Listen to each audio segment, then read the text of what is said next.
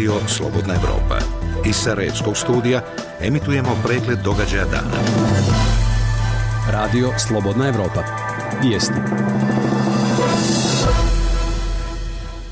Napravljeni su određeni pomaci u istrazi ubistva dvojice policajaca u Sarajevu prije dva dana. Međutim, u cilju istrage ovog slučaja policijske agencije u Bosni i Hercegovini ne mogu iznositi više detalja saopšteno iz Državne agencije za istrage i zaštitu.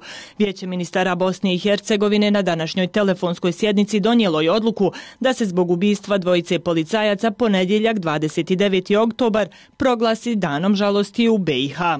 Na obilaznici kod graničnog prelaza Maljevac kod Velike Kladuše i dalje se nalazi oko 200 ilegalnih migranata koji žele da pređu iz Bosne i Hercegovine u Hrvatsku. Situacija je mirna i pod kontrolom, a migrante među kojima ima žena i djece već peti dan 24 sata obezbjeđuju pripadnici granične policije.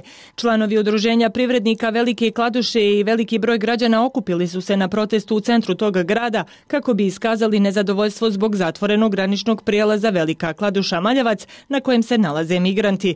Okupljeni su poručili kako današnji protest nije protest protiv migranata, već apel nadležnima da što prije riješe ovu situaciju, jer privrednici snose velike gubitke.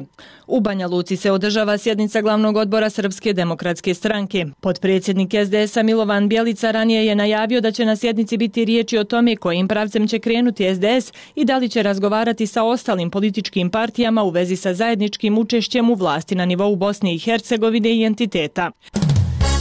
U velikoj policijskoj akciji u Albaniji razbijene su četiri narkobande, pronađeno 182 kg opijuma i uhapšeno 27 osoba, a za šest se i dalje traga. Među uhapšenima je i Arben Doka, bivši poslanik vladajuće socijalističke stranke, kao i tri policajca. Akcija protiv narkobandi koje imaju veze sa političarima je sprovedena u posljednja tri dana u 12 gradova. Glavni tužilac mehanizma za međunarodne krivične tribunale Serž Bramerc izjavio da će članovi Srpske radikalne stranke Vjerica Radeta i Petar Jojić morati da se pojave pred sudom zbog optužbi za nepoštivanje Haškog tribunala. U tropskoj oluji Luban u Jemenu poginulo je 14 ljudi dok ih je oko 8000 ostalo bez krova nad glavom. Povrijeđene su 124 osobe, a 10 se vodi kao nestalo. Napadač u sinagogi u Pittsburghu je 46-godišnji amerikanac Robert Bowers koji je ubio 11 osoba. On se suočava sa 29 tačaka optužnice uključujući upotrebu vatrenog oružja za izvršenje ubistva. Federalno tužilaštvo saopštilo je da će podnijeti tužbu za zločin iz mržnje. U napadu je ranjeno šest osoba uključujući četiri policajca. Još nije zvanično potvrđeno ko je bio u helikopteru vlasnika futbalskog kluba Leicester Višaja Šriva Dana Prabe, koji se u subotu uveče srušio i izgorio na domak stadiona King Power, neposredno po polijetanju nakon utakmice Premier lige. Policija još nije dala zvanično saopštenje o udesu, a nije ni klub. Zemljotres jačine 5,8 stepeni Richterove skale potresao je rano jutro s centralni i istočni dio Rumunija, osjetio se Ukrajini, Moldaviji i Bugarskoj. Nije pričinjena značajnija šteta. Lideri Turske, Rusije, Francuske i Njemačke pozvali su sinoć na samitu o Siriji u Istanbulu na političko rješavanje krize uz podršku Ujedinjenih naroda, ističući važnost očuvanja prekida vatre u Idlibu i formiranje Ustavnog odbora. U Brazilu se danas održava drugi krug predsjedničkih izbora, a prema rezultatima ankete najviše šanse za pobjedu ima bivši vojni kapetan Jair Bolsonaro. U noći sa subote na nedjelju počelo je zimsko računanje vremena pomjeranjem kazaljki za jedan sat unazad. Sutra se u Hercegovini i jugozapadnim područjima Bosne očekuje obilnija kiša. Kiše će biti, ali ne i obilne u centralnim i zapadnim područjima Bosne, a na sjeveru i istoku Bosne rijetko može pasti malo kiše. Temperature zraka od 14 do 24 stepena. Vijesti pripremila i čitala Selma Boračić-Mršo. Radio Slobodna Evropa, program za Bosnu i Hercegovinu. Na vratima Evrope. Emisija o evropskim integracijama.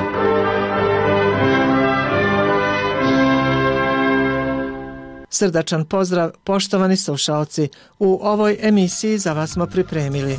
Evropska unija u saradnji s Njemačkom razvojnom agencijom GIZ pokrenula projekat koji podržava razvoj privatnog sektora u Bosni i Hercegovini. Ukupan fond projekta koji je predviđen za grantove je 10 miliona eura. 4,5 miliona eura su namjena preduzetnicima u izvoznim sektorima. 1,5 miliona eura su stavljena na raspolaganje preduzetnicima i partnerstvima u turizmu. Bosna i Hercegovina dobila okvirnu energetsku strategiju na koji kritički osvrt daje tuzanski profesor Mirza Kušljugić koji kaže da je strategija švedski sto, dakle iz nje može da izme kogod želi šta hoće. Najvjerovatnije i ovi koji su platili strategiju, da će oni odatle izveti ono što je evropske politike. Energetska efikasnost prije svega obnovljuju izvori. Mladi glumac Adi Hrustemović između glumačkih predstava u Sarajevu i studija u Minhenu. Ta relacija je toliko kratka da nema nema razloga da se uopšte moram odlučivati za jedno ili za drugo u ovom momentu ili da želim uopšte da razmišljam o tom jer mislim da bi mi to onda samo suzilo nekako moje vidno polje, a želim baš da ostanem nekako širokih vidika. Rukotvorine žena udruženja Sehara Goražde stižu u brojne dijelove svijeta. Mi smo žene koje ne gledaju realitije, koji ne gledaju serije, koje hoće nešto da, da se zabave, ali kreativno i korisno. A sada opširnije o ovim zanimljivim temama. Na vratima Evrope. Europska unija širom Bosne i Hercegovine vrši promociju projekta pod nazivom Europska unija za posao, u okviru kojeg je uz pomoć Njemačke izdvojila preko 16 miliona eura. Projekat je namijenjen privrednicima i razvojnim organizacijama za dobijanje bespovratne pomoći za razvoj vlastitog biznisa ili određenih sektora. Pojedinačni grantovi mogu se kretati između 50 i 200 hiljada eura. Na promociji projekta u Mostaru naš dopisnik Mirsad Behram je zabilježio. Nekoliko desetina osoba je već dobilo posao nakon što su prošli praktičnu obuku od oko dva mjeseca u Centru za obuku i prekvalifikaciju u Čapljini, gdje se vrši obuka odraslih nezaposlenih osoba za zanimanja kuhar i konobar. Taj centar otvoren je uz pomoć Evropske unije u okviru sličnog projekta, a nakon već nekoliko ciklusa obuka, voditelj Centra za ruralni razvoj i poljoprivredu u regionalnoj razvojnoj agenciji za Hercegovinu Redah, koja je nosila s projekta Ivica Sivrić, govori. 61 osoba je završila kurs e, više za kuhara, jer je bilo veći broj obuka, od toga su 36 osoba je zaposleno, što stalno, što privremeno, istina šestar od njih je zaposleno i u Hrvatskoj kao sezonski, ali su zaposleni, vraća se, nadam se, sada kad završi sezona, pa ćemo pokušati potražiti posao ovdje. Takve rezultate bi trebao dati i projekat EU for Business kojeg Evropska unija u saradnji sa Njemačkom razvojnom agencijom GIZ ovih dana promovira širom Bosne i Hercegovine. Projekt menadžer programa EU for Business u njemačkoj razvojnoj organizaciji GIZ Gligor Stojkov kaže kako projekat finansiraju Evropska unija i Njemačka u ukupnom iznosu od 16,1 milion eura, od čega 15 miliona eura osigurava Evropska unija. Aktivnosti projekta su usmjerene prije svega prema izvoznim sektorima, turizmu, poljoprivredi i ruralnom razvoju te poduzetništvu. Ukupan fond projekta koji je predviđen za grantove je 10 miliona eura. 4,5 miliona eura su namijena preduzetnicima u izvoznim sektorima. 1,5 miliona eura su stavljena na raspolaganje preduzetnicima i partnerstvima u turizmu. 3 miliona eura stoje na raspolaganju za poticaj aktivnosti u ruralnom razvoju i poljoprivredi, te 1 milion eura je stavljen na raspolaganje partnerstvima za razvoj poduzetništva. Ko sve može aplicirati, Stojkov objašnjava. Mala i srednja preduzeća, obrti, te farmeri u sektoru poljoprivrede i ruralnog razvoja. U nekim slučajevima, prije svega u sektoru turizma, u sektoru poduzetništva i dijelimično u izvoznim sektorima, pored pojedinačnih aplikacija, bit će prihvatljiva i partnerstva kao aplikanti, u kojim partnerstvima je predviđeno da budu članovi ne samo predstavnici privatnog sektora, nego i razvojne agencije koje mogu biti javne, nevladin sektor koji se bavi podrškom privatnom sektoru i ostale zainteresovane strane. Međutim, okvirno se može reći da će preduzetnici biti u stanju aplicirati i dobiti grant veličine između 50.000 eura i 200.000 eura u zavisnosti od sektora i tipa partnerstva. Jedan takav grant već je dobilo Udruženje za poduzetništvo i posao Link iz Mostara i to za projekat u vezi sa razvojem turizma na području općina Jablanica, Prozor i Posušlje. O čemu se radi objašnjava direktorica Centra usluga u Mostarskom Linku Alisa Gekić. Projekat je pomogao uvelike tako što je se napravila jedna integralna turistička ponuda na području Jablanice, Posuša i Prozora Rame. Sami akteri, preko 130 aktera u turizmu je se udružilo, a da do sada nisu imali saradnju, nije postojala ta saradnja međuopćinska što je suština i što je jedan od prioriteta ove tri općine u skladu sa njihovim strateškim okvirima. Ono što smo mi doživjeli kao jedno pozitivno iskustvo jeste da treba raditi na razvoju i promociji turizma. Bosna i Hercegovina posebno Hercegovina posjeduje odlične turističke potencijale i potrebno je raditi na umrežavanju pružatelja turističkih usluga i zaista je velika pohvala delegacije Evropske unije i GIZ koji su prepoznali turizam kao jedan od prioritetnih područja jer tu je mnoštvo prioriteta na kojima treba raditi. Projekt menadžer programa EU for Business u njemačkoj razvojnoj organizaciji GIZ Gligor Stojkov podsjeća kako je glavni moto projekta EU for Business za konkurentnu i inovativnu domaću ekonomiju. Smatramo da su inovacije jedna tema koja može omogućiti svim poduzećima da kroz vlastiti razvoj povećaju izvoz, ali prije svega da kreiraju radna mjesta i da kroz to poboljšaju život stanovnika BiH.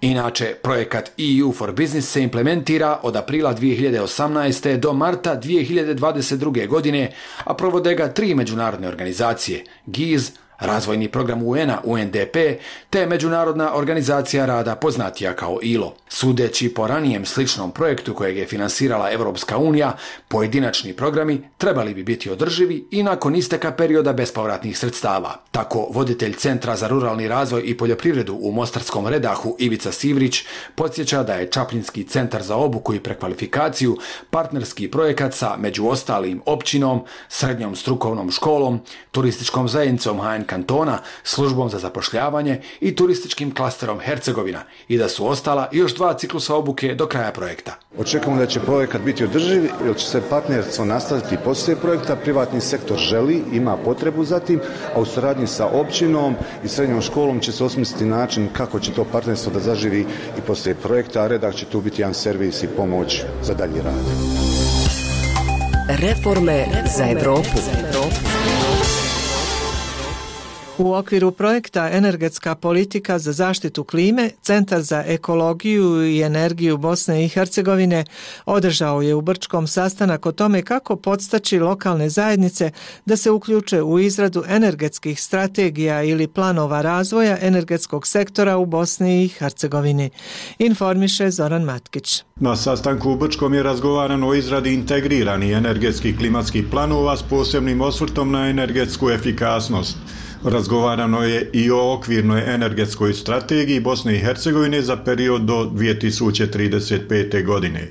Džemila Agić, direktorica Centra za ekologiju i energiju Bosne i Hercegovine. Znamo da Bosna i Hercegovina ima neizvjesnu budućnost po pitanju energetskog sektora, po pitanju izradnje novih energetskih blokova, međutim imamo isto tako neizvjesnu budućnost po planovima naših nadležnih institucija, jer prema svim standardima i zahtjevima i Evropske unije i svjetskih e, institucija, Bosna i Hercegovina se kreću u jednom sumnjivom smjeru. Osim problema u izradi integriranih energetskih klimatskih planova, Bosna i Hercegovina se susreće i s drugim velikim problemom. Dodatno imamo i ekoloških problema sa zagađenjem zraka, jer evidentno je da se tek približava zima, da mi već imamo povećane koncentracije zagađujućih matira u zraku skoro svim gradovima Bosne i Hercegovine. Vijeće ministara Bosne i Hercegovine nedavno je donijelo okvirnu energetsku strategiju do 2035. godine. Analiza strategije dala je kritički osvrt. To nije dokument na osnovu kojeg se može raditi održivi razvoj energetike u Bosni i Hercegovini. Mirza Košljugić, profesor na Elektrotehničkom fakultetu u Tuzli. U principu strategija je pisana da bi se oslobodili IPA fondovi za energetiku. Prihvaćeno je da je usvajanje na vijeću ministara to dovoljno i što se tiče nas koji smo radili analizu te strategije, ako je to ispunilo, ako je to bio cilj, okej. Okay. Često sam isticao da je strategija švedski sto, dakle iz nje može da izme kogod želi šta hoće. Najvjerovatnije i ovi koji su platili strategiju, dakle Britanska ambasada, odnosno Evropska unija, da će oni odatle izveti ono što je evropske politike, dakle energetska efikasnost prije svega obnovljivi izvori, dekarbonizacija, ovo što su ključne energetske politike koje pogotovo ovih dana dobio na značaj. U Katovicama se u prosincu očekuje jedan od najvažnijih događaja u istoriji čovječanstva, naglašava profesor Kušljugić. Događaj je vezan za Pariški klimatski sporozum gdje treba postići dogovor na koji način je moguće koordiniran djelovanje svih zemalja svijeta sprečiti ne negativne nego kako se to izvještaju kaže katastrofične posljedice klimatskih promjena i za taj period čovječanstvo ima 30 godina da to radi. Eurozona. Eurozona. Eurozona. Eurozona. U Tuzli je održana konferencija o ilegalnoj trgovini umjetninama u Bosni i Hercegovini, tokom koje je istaknuto da se trenutno traga za velikim brojem umjetnina, a prijave su podnesene na različitim nivoima vlasti. Kako je naveo Dženan Jusufović, direktor Centra protiv krijumčarenja umjetninama iz Tuzle, prijavljene su stotine otuđenih umjetničkih dijela, ali stvarni broj je mnogo veći. Pripremila Maja Nikolić. Enver Mulavdić više od dva desetljeća traga za vrijednim dijelima čiji je bio kolekcionar. Njegova dijela su nestala tvrdi 1992. godine kada je protiran zajedno sa svojih 16 tisuća sugrađana iz Bosanskog Novog. Ta vrijedna umjetnička dijela nalaze se kako tvrdi u Srbiji, ali ih ne može vratiti jer institucije mirno promatraju ovaj problem institucionalno sve je urađeno, dijela su na listi u Lijonu. Interpol iz Sarajeva poslao je ovaj upitnik u, u Beograd i to tako stoji, ne znam šta, u kojoj je fazi. U Centru protiv krijumčarenja umjetninama Bosne i Hercegovine kažu da je ovo sve važnija tema jer se radi o milijunskim vrijednostima, a ilegalna trgovina umjetninama je druga u svijetu.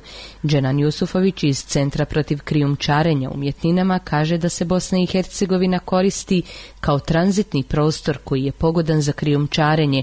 Samo primjerice iz Međunarodne galerije portreta Tuzla, navodi Jusufović, nestalo je 60 umjetničkih dijela, a naveo i nedavni slučaj krijumčarenja iz Sarajeva. Iz Holdina, na primjer, to je predmet na kojem smo radili u suradnji sa tužilaštvom kantona Sarajevo, su uh, nestala djela, odnosno nisu nestala, oni su uradili uh, falsifikate, skinuli su orga, originale i falsifikovali su i reprodukcije su vratili na zidove, tako da su i to uh, djela za kojim se traga. Jusufović kaže da se institucije Bosne i Hercegovine prema ovom problemu i dalje odnose vrlo neodgovorno. Uspjeli smo napraviti tu bazu podataka. Interpol je postavio na svoje stranice i dijela koja se prije nisu nalazila na njihovoj stranici. To su dijela iz Međunarodne galerije portreta i privatne kolekcije Envera Mulavdića. Bosna i Hercegovina, osim e, što ima svoje probleme e, unutrašnje po ovom pitanju, se koristi također kao tranzit i prostor koji je pogodan za krijumčare gdje jednostavno zbog naših sistema koji nije uređen, to im je prostor koji, koji im odgovara. Pomaka sigurno ima, evo nas je kontaktirala Komisija za zaštitu nacionalnih spomenika prije nekih mjesec dana, dobili su anonimnu e, prijavu da se vrši iskopavanja ilegalna na arheološkim lokacijama u Bosni i Hercegovini i da se e, ti predmeti prodaju na različitim strancama. E, dali smo im neke prijedloge kome treba da upute dopise i prije tri dana nam je stigla obavijest e, od njih da je obaviješteno Ministarstvo sigurnosti SIPA i da će se poduzeti određene aktivnosti, a evo imali se priliku vidjeti da je u Makedoniji akcija trajala godinu dana pa su uslijedila neka hapšenja, pa mislim da će i u Bosni i Hercegovini. Helen Valasek iz Poljske je autorica studije koja se detaljno bavi devastiranjem i krađom umjetničkih dijela i kulturnog nasljeđa u Bosni i Hercegovini tijekom posljednjeg rata. To je jedina studija koja je posvećena tom problemu, ali je izdana samo na engleskom jeziku, dok institucije Bosne i Hercegovine nikada nisu izrazile potrebu i pomoć da bude objavljena i na jednom od bosansko-hercegovačkih jezika. Bosnia hasn't, Herzegovina hasn't dealt with the question at all. Nažalost, e, zvanični stav Bosne i Hercegovine je takav da nije ništa konkretno poduzeto kako bi se ukradena e, dijela vratila izvornim vlasnicima ili na izvorne lokalitete. Taj problem nije e, prisutan samo u Bosni i Hercegovini, nego i u Hrvatskoj i u Srbiji. Zanimljivo je da su se ovom problemu u Bosni i Hercegovini više posvetile strane nego domaće institucije. Primjerice, veleposlanstvo Republike Francuske u Bosni i Hercegovini ima posebni projektni tim koji se bavi krijumčarenjem umjetninama u Bosni i Hercegovini. Catherine Palpo, ataše za suradnju u veleposlanstvu Francuske u Sarajevu. Alors, c'est euh, un thème sur lequel on considère qu'il est important. Mislimo da je to tema na kojem treba raditi e, sa različitim partnerima, e, znači javne vlasti, civilno društvo i populacija i zato mi surađujemo već tri godine sa Centrom protiv krijomčarenja umjetninama. Mi mislimo također da za, za tu temu krijomčarenja umjetninama treba suradnja između različitih ministarstava i zato mi surađujemo i sa Ministarstvom civilnih poslova. Bosna i Hercegovina je neprocijenjivo oštećena za svoju kulturnu baštinu. Neprestano iz ove zemlje nestaju umjetničke vrijednosti koje su nacionalno i povijesno dobro. Slušate program radija Slobodna Evropa. Adi Hrustemović, mladi je bosansko-hercegovački glumac kojeg publika pamti posebno po ulozi u seriji Dva smo svijeta različita. Ostvario je i uloge na filmu te u pozorištu, sarađujući s rediteljima poput Dine Mustafića, Selme Spahić, ali i drugih. U posljednje dvije godine boravi na master studiju u Minhenu. U razgovoru s našim novinarom Ivanom Katavićem govori o školovanju u Njemačkoj, predstavama koje je radio u Sarajevu te o tome da li ima planove za budućnost. Poslušajte ovaj razgovor. Posljednje dvije godine boraviš u Minhenu na master studiju glume. Kako si zadovoljan tim studijem i koliko se razlikuju standardi studiranja glume u Bosni i Hercegovini i Njemačkoj? Generalno je način života potpuno bio drugačiji. Danas na sutra mi se sve nekako promijenilo. I u početku mi je bilo trebalo mi vremena za malo adaptacije. Od toga da sam prvi put počeo da vodim neki kalendar obaveza u telefonu, što ovdje nisam imao potrebu da radim. Znam otprilike šta su mi obaveze, šta mi šta kad koju predstavu igram i tako dalje. Tamo sam morao za svaku najmanju setnicu da unosi u, u telefon, a na, na tom samom studiju nisam imao neki fiksni raspored kao raspored časova ili predavanje ili nešto slično, jer se svak, svake sedmice zapravo ti sam sebi kreiraš predavanja, kurseve koje želiš da pohađaš i to jeste i osnovna razlika u samog studiranja, ali je i samim tim što je master studij, to i omogućava, tražim od profesora, predavača, šta zapravo želim od tog časa. Gdje sam otkrio možda neki problem, neki nedostatak ili možda nešto da nastavim od prošlog puta i tako dalje. A što se tiče standardima naravno, mislim, Bavarska sama po sebi ima mnogo više novca nego što ima naša država, ali, ali nije sve u novcu. Koncept je sam, sam po sebi drugačiji gdje, sam, gdje ja imam kao student priliku da radim sa različitim ljudima, svaki zadatak koji dobijem radim sa određenom osobom, određeni period, najčešće 4 sedmice do mjesec, 4 sedmice odnosno mjesec dana ili 3 sedmice zavisi. I onda kada završim taj zadatak, desi se prezentacija, svi, svi studenti prezentuju svoje stvari dokle su došli u tom momentu, da se dolazi sljedeći zadatak, potpuno drugačije od onoga što sam ja imao ovdje. Kod nas je bio jedan profesor glume sve četiri godine, imao sam sreću od svog profesora sam imao kontinuitet neki.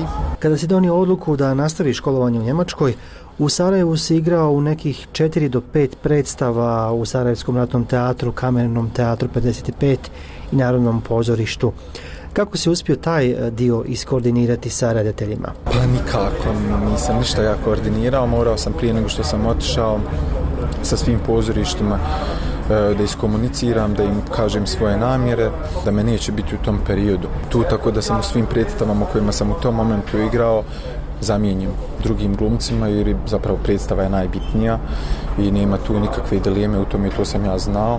I sa rediteljima s kojima sam e, koji, koji su bili reditelj tih predstava sam svakako bio u, u, u dobrim odnosima i imali smo takvu komunikaciju da sam mogao čak i sam da predložim ljude ko, za koje mislim da bi možda mogli ili trebali. E, mislim zajedno smo došli do nekih zaključaka i ljudi koji bi me eventualno zamijenili, tako da se to i desilo. Osim u jednoj predstave, to je tajna džema od malina, e, gdje svakako iz tehničkih razloga se ona često ne igra zbog scenografije koju je teško postaviti, kasnije skinuti. Onda kad se jednom postavi, to se igra 5, 6, 7, 8 puta zavisi i to smo mogli da iskombiniramo tako da ja sam najčešće zapravo dolazio kad je meni tamo raspust, tako da, da tu predstavu možemo održati u, u toj originalnoj postavi. Kakvi su planovi za budućnost? E, da li se nakon mastera vidiš u Njemačkoj ili u Bosni i Hercegovini? Pokušavam u onom momentu gdje vidim da se nešto otvara ili da imam neku priliku, nešto da uradim što je mene zanimljivo, što mislim da je korisno, što mislim da je dobro ili bitno,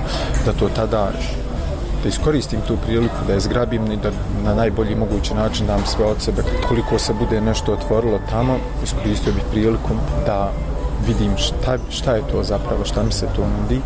Ukoliko ne, čak je to, mislim, ta relacija je toliko kratka da nema, nema razloga da se uopšte moram odlučivati za jedno ili za drugo u ovom momentu ili da želim uopšte da razmišljam o tom, jer mislim da bi mi to onda samo suzilo nekako moje vidno polje, a želim baš da ostanem nekako širokih vidika, kao i što mi je filozofija u svemu u životu, pa je tu u ovom momentu i to, da ako se nešto desi, a pokušavam da iz svega što se desi da iskoristim, da, da nađem nešto što je pozitivno. Govorio je Adi Hrustemović, glumac iz Sarajeva, na studiju u Minhenu. Na vratima Evrope. Emisija o evropskim integracijama. Vrijedne žene iz udruženja Sehara Goražde osmislile su i na tržište plasirale prve proizvode brenda pod nazivom Ova, koji spajaju bosansku tradiciju i moderni dizajn. Torbe za laptope, čilim i jastuci već su stigli do Londona, Beča i Abu Dabija, zabilježio Alen Bajramović. Uz pomoć stručnjaka za dizajn, marketing i fotografiju, tradicionalne bosansko-hercegovačke ručne radove osvježile su živim bojama, osmislile novi brend Ova i najavljuju i nove proizvode. U početku, prije devet godina, tako nešto nisu planirale. Fadila Sela Kradmilović, predsjednica udruženja Sehara. Većinom to su žene koje su već prešle 50 godina, koje nisu konkurentne na tržištu rada, a imaju svoj viška slobodnog vremena i mi smo eto došli na ideju da ovaj napravimo jedno udruženje gdje ćemo se okupljati, gdje ćemo se kreativno izražavati jer smo primijetili da svaka od nas posjeduje neku vještinu koja je negdje zaboravljena. Mi smo žene koje ne gledaju realitije, koje ne gledaju serije, koje hoće nešto da, da se zabave, ali kreativno i korisno. Pamteći dane kada su odrastale u unenoj odjeći i koračali po ručno rađenim ćilimima, vrijedne goraždanke dočekale su dan kada će kvalitet ručne izrade na način kako su to radile njihove majke i nane konačno biti prepoznat.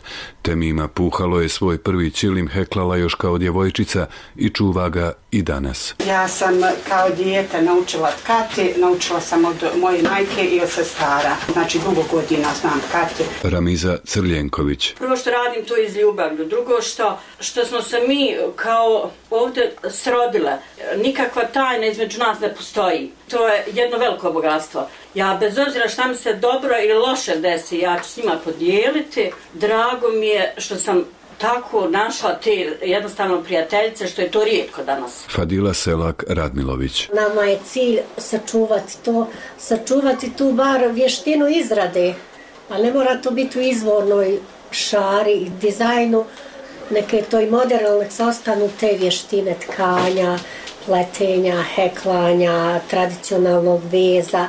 Ramiza Crljenković. Meni je ovo drugi dom.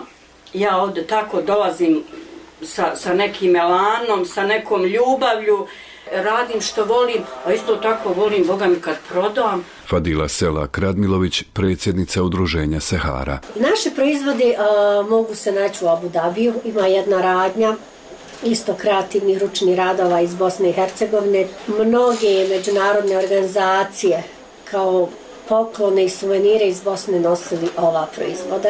Tako da smo stigli u London, ima nas u Beču. Mi smo jedna riznica, riznica e, bogatstva, šta samo žene iz istočne Bosne znaju. Iz Goražda mi bi imali tako divne stvari, tako divne priče da plasiramo. Ja mislim da kroz izradu ovoga, da oživimo te vještine stare zanate, da se to malo više i, i, i lokalna zajednica i država, da malo više dadnu podrške, da bi tu se fantastično od toga moglo da živi i da funkcioniše. Ali kažem, sa ovim ženama ja mislim da će kraj biti tkanju i tim vještinama. Ja sam u tom dijelu zaista i ogorčana kada vidim koliko mi malo pažnje dajemo našoj tradiciji, koliko mi svi ovaj zajedno zapostavljamo tu tradiciju, a koliko ljudi svana to cijene. Emisiju Na vratima Evrope možete i pročitati na našoj web stranici slobodnaevropa.org. Toliko ove nedjelje, poštovani slušalci. Hvala na povjerenju i ugodno poslijepodne. Žele vam Enes Hrničić i Gordana Sandić-Hadžikasanović.